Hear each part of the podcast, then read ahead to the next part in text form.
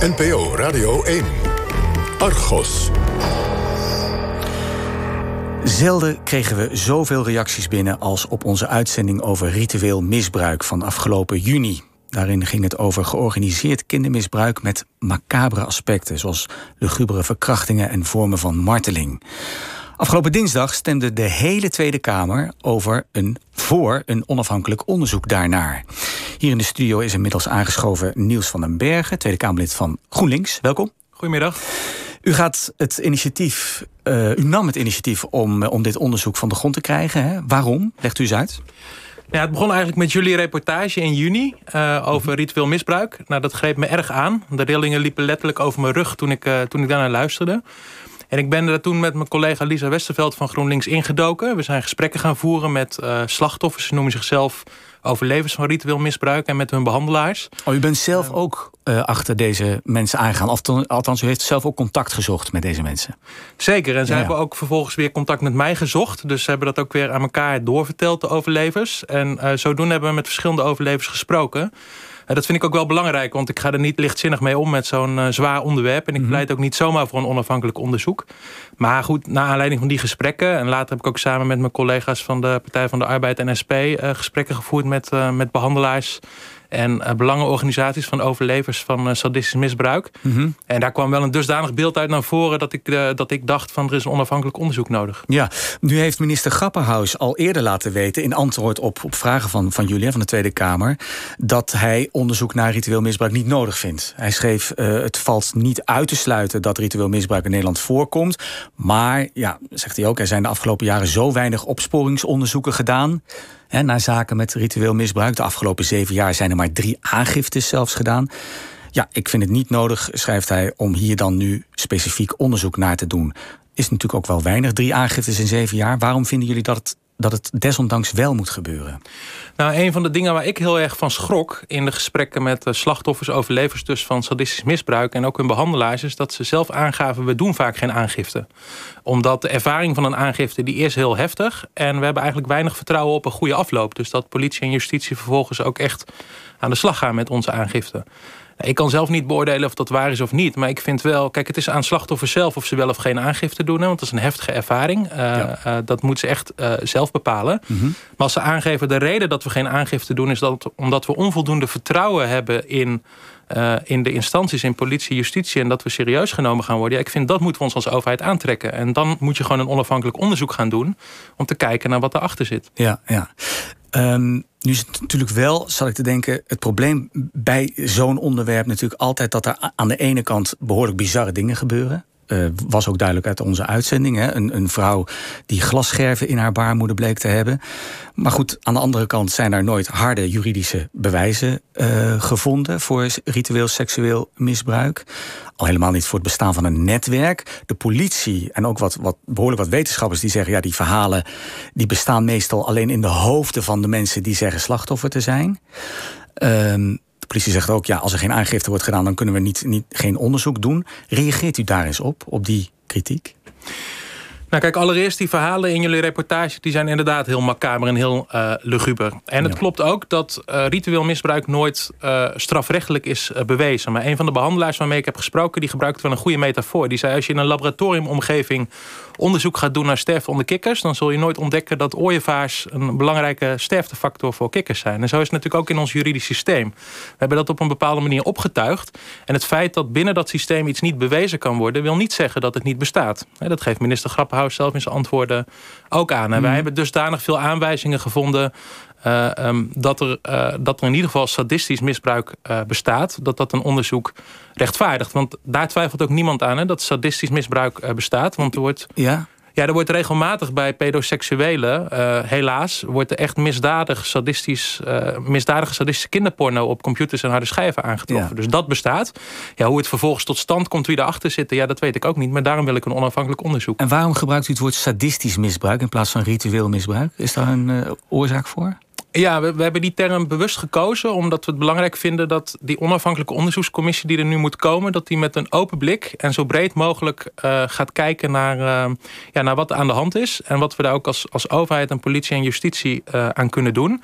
Want ritueel beperkt het, als je het daartoe zou, zou beperken dan? Is dat iets anders voor, voor u? Ja, sadistisch misbruik is een wat bredere term en ritueel hmm. misbruik valt eronder. Dus in ons voorstel hebben we ook nadrukkelijk gezegd dat de ervaringen en verhalen van overlevens van ritueel misbruik in het onderzoek meegenomen moeten worden. Ja. Maar we willen dat er breder gekeken wordt naar sadistisch misbruik, omdat we het al zei, daarvoor zijn namelijk wel harde juridische bewijzen dat er sadistische kinderporno bestaat. Helaas, want het is natuurlijk gruwelijk en misdadig. Mhm. Maar dat, dat trekt ook niemand, niemand stelt daar vragen bij dat dat bestaat. De vraag is alleen, hoe komt het tot stand?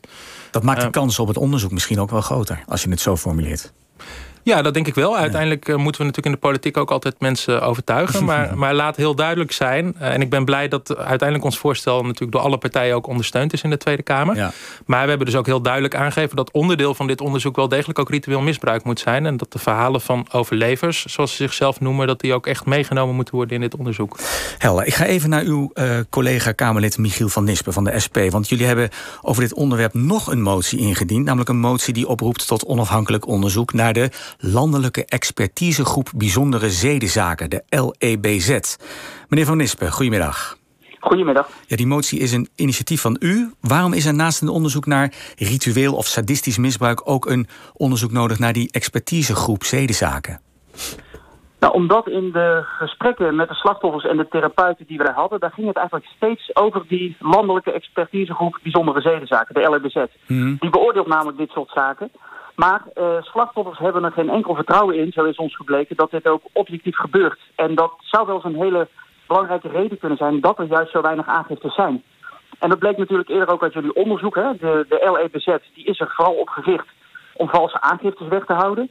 Ze zeggen openlijk dat ritueel misbruik uh, niet bestaat. Mhm. En ze hebben zich ook bemoeid met de zorgstandaard voor patiënten met dit soort stoornissen. Kortom, omdat er zoveel serieuze vragen zijn over de, de rol en de taakopvatting, de doelstellingen eh, de wetenschappelijke onderbouwing en de visie, eh, de werkwijze en de resultaten van de LEBZ. Daarom leek het ons goed om dit eh, ook apart en onafhankelijk te laten onderzoeken.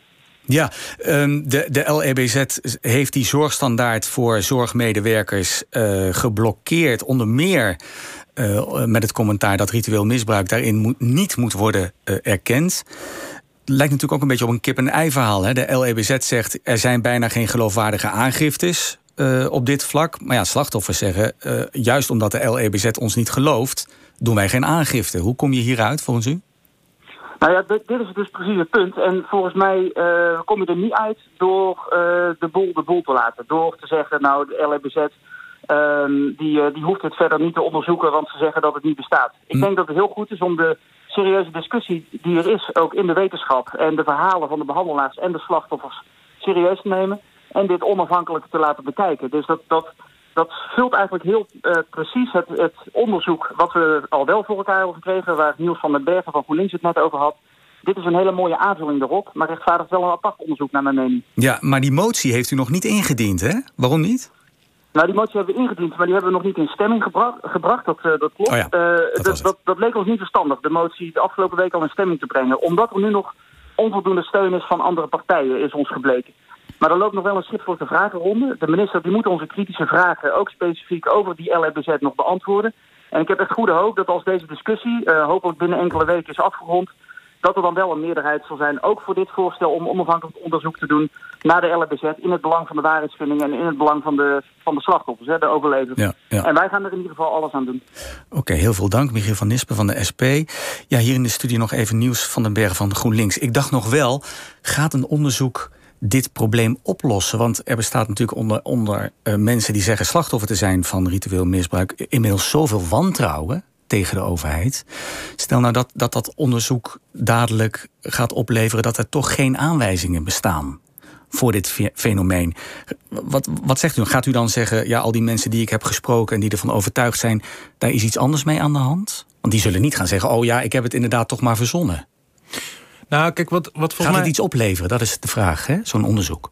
Ja, dat is natuurlijk wel uh, wat wij hopen en uh, waar we van uitgaan. En wat natuurlijk heel belangrijk daarin is... en daar heb ik ook al op aangedrongen bij eh, de minister voor Rechtsbescherming, uh, minister Dekker... en dat zal ik ook blijven doen... dat slachtoffers, overlevers van ritueel misbruik... dat die van begin af aan bij de opzet van dit onderzoek betrokken worden. Zodat ze ook vertrouwen kunnen hebben in het, in het onderzoek. En het zou te makkelijk zijn om te zeggen dat er niks aan de hand is. Want zoals ik zei, de, die vreselijke sadistische kinderporno die bestaat. We zien ook dat de commissaris tegen kindermisbruik in Duitsland... de heer Reurig, die is ervan overtuigd dat het bestaat. En in Duitsland loopt een onafhankelijk onderzoek. Dus wij zijn niet de enige die, dit nu, die nu zeggen... hier moet je onderzoek naar doen. Maar eh, om terug te komen op uw vraag... dat vertrouwen van, van slachtoffers, overlevers is essentieel. En daarom is het ook zo belangrijk dat ze van begin af aan... Uh, bij de opzet van het onderzoek betrokken worden. En dat is ook iets waar ik samen met mijn collega Van Nispen van de SP... en uh, samen met collega Kuiken van de PvdA ook op zal blijven aandringen. Ja, het is nogal... het gebeurt geloof ik niet elke dag... Hè, dat een motie door, de, door alle partijen van de Tweede Kamer wordt aangenomen... Toch is het niet zo dat een minister dan verplicht is om de motie uit te voeren. Hè? Stel nou dat hij toch zegt, ik ga het niet doen. Doet hij vaker. Is wel eens eerder gebeurd. Ja, maar dat zou in dit geval zou dat wel heel ingewikkeld worden voor de minister, denk ik. Want ja? Uh, ja, het, het, wordt dan een sta ingewikkelde staatsrechtelijke discussie. Hè, want dan moet de Kamer op zijn strepen gaan staan. Maar in principe heeft de Kamer het laatste woord. En de minister heeft van ons voorstel, van onze motie gezegd... van ik adviseer negatief. Wat mij betreft is ja. dit niet nodig. Toch heeft de Kamer unaniem gezegd... dus alle partijen, van links tot rechts, dit onderzoek moet er komen. Dat is heel bijzonder. Ik heb nog even nagezocht. We stemmen elk jaar over duizenden moties. Hè, tussen de 4 en 5.000. En in het afgelopen jaar is het drie keer eerder uh, voorgekomen... dat een negatief geadviseerde motie unaniem is aangenomen. Dus als de minister dit hele sterke, brede politieke signaal naar zich neerlegt... Ja, dan heeft hij wel echt heel veel uit te leggen. Dan is het laatste woord nog niet gezegd, zeg je dan. Hè? Ja, Zeker. Okay. Heel veel dank voor uw komst. Nieuws van den Bergen, Tweede Kamerlid van GroenLinks. En mocht u meer willen horen of zien over dit onderwerp... op onze website hebben wij een heel dossier over ritueel misbruik samengesteld. Daar vindt u overigens ook nog ander interessant onderwerp, onderzoek van de Argos-collega's. Bijvoorbeeld over de hoogoplopende conflicten bij JUVOX. Dat is de vakbond voor justitiepersoneel. Een delicate kwestie, kan ik u zeggen. En u kunt daar ook luisteren naar een nieuw hoofdstuk... uit het audiodagboek van IC-dokter Dr. Amal Geerbes... die terugblikt op de commotie die afgelopen week in de Tweede Kamer ontstond... naar aanleiding van zijn vorige aflevering. Allemaal te vinden dus op vpro.nl slash Argos.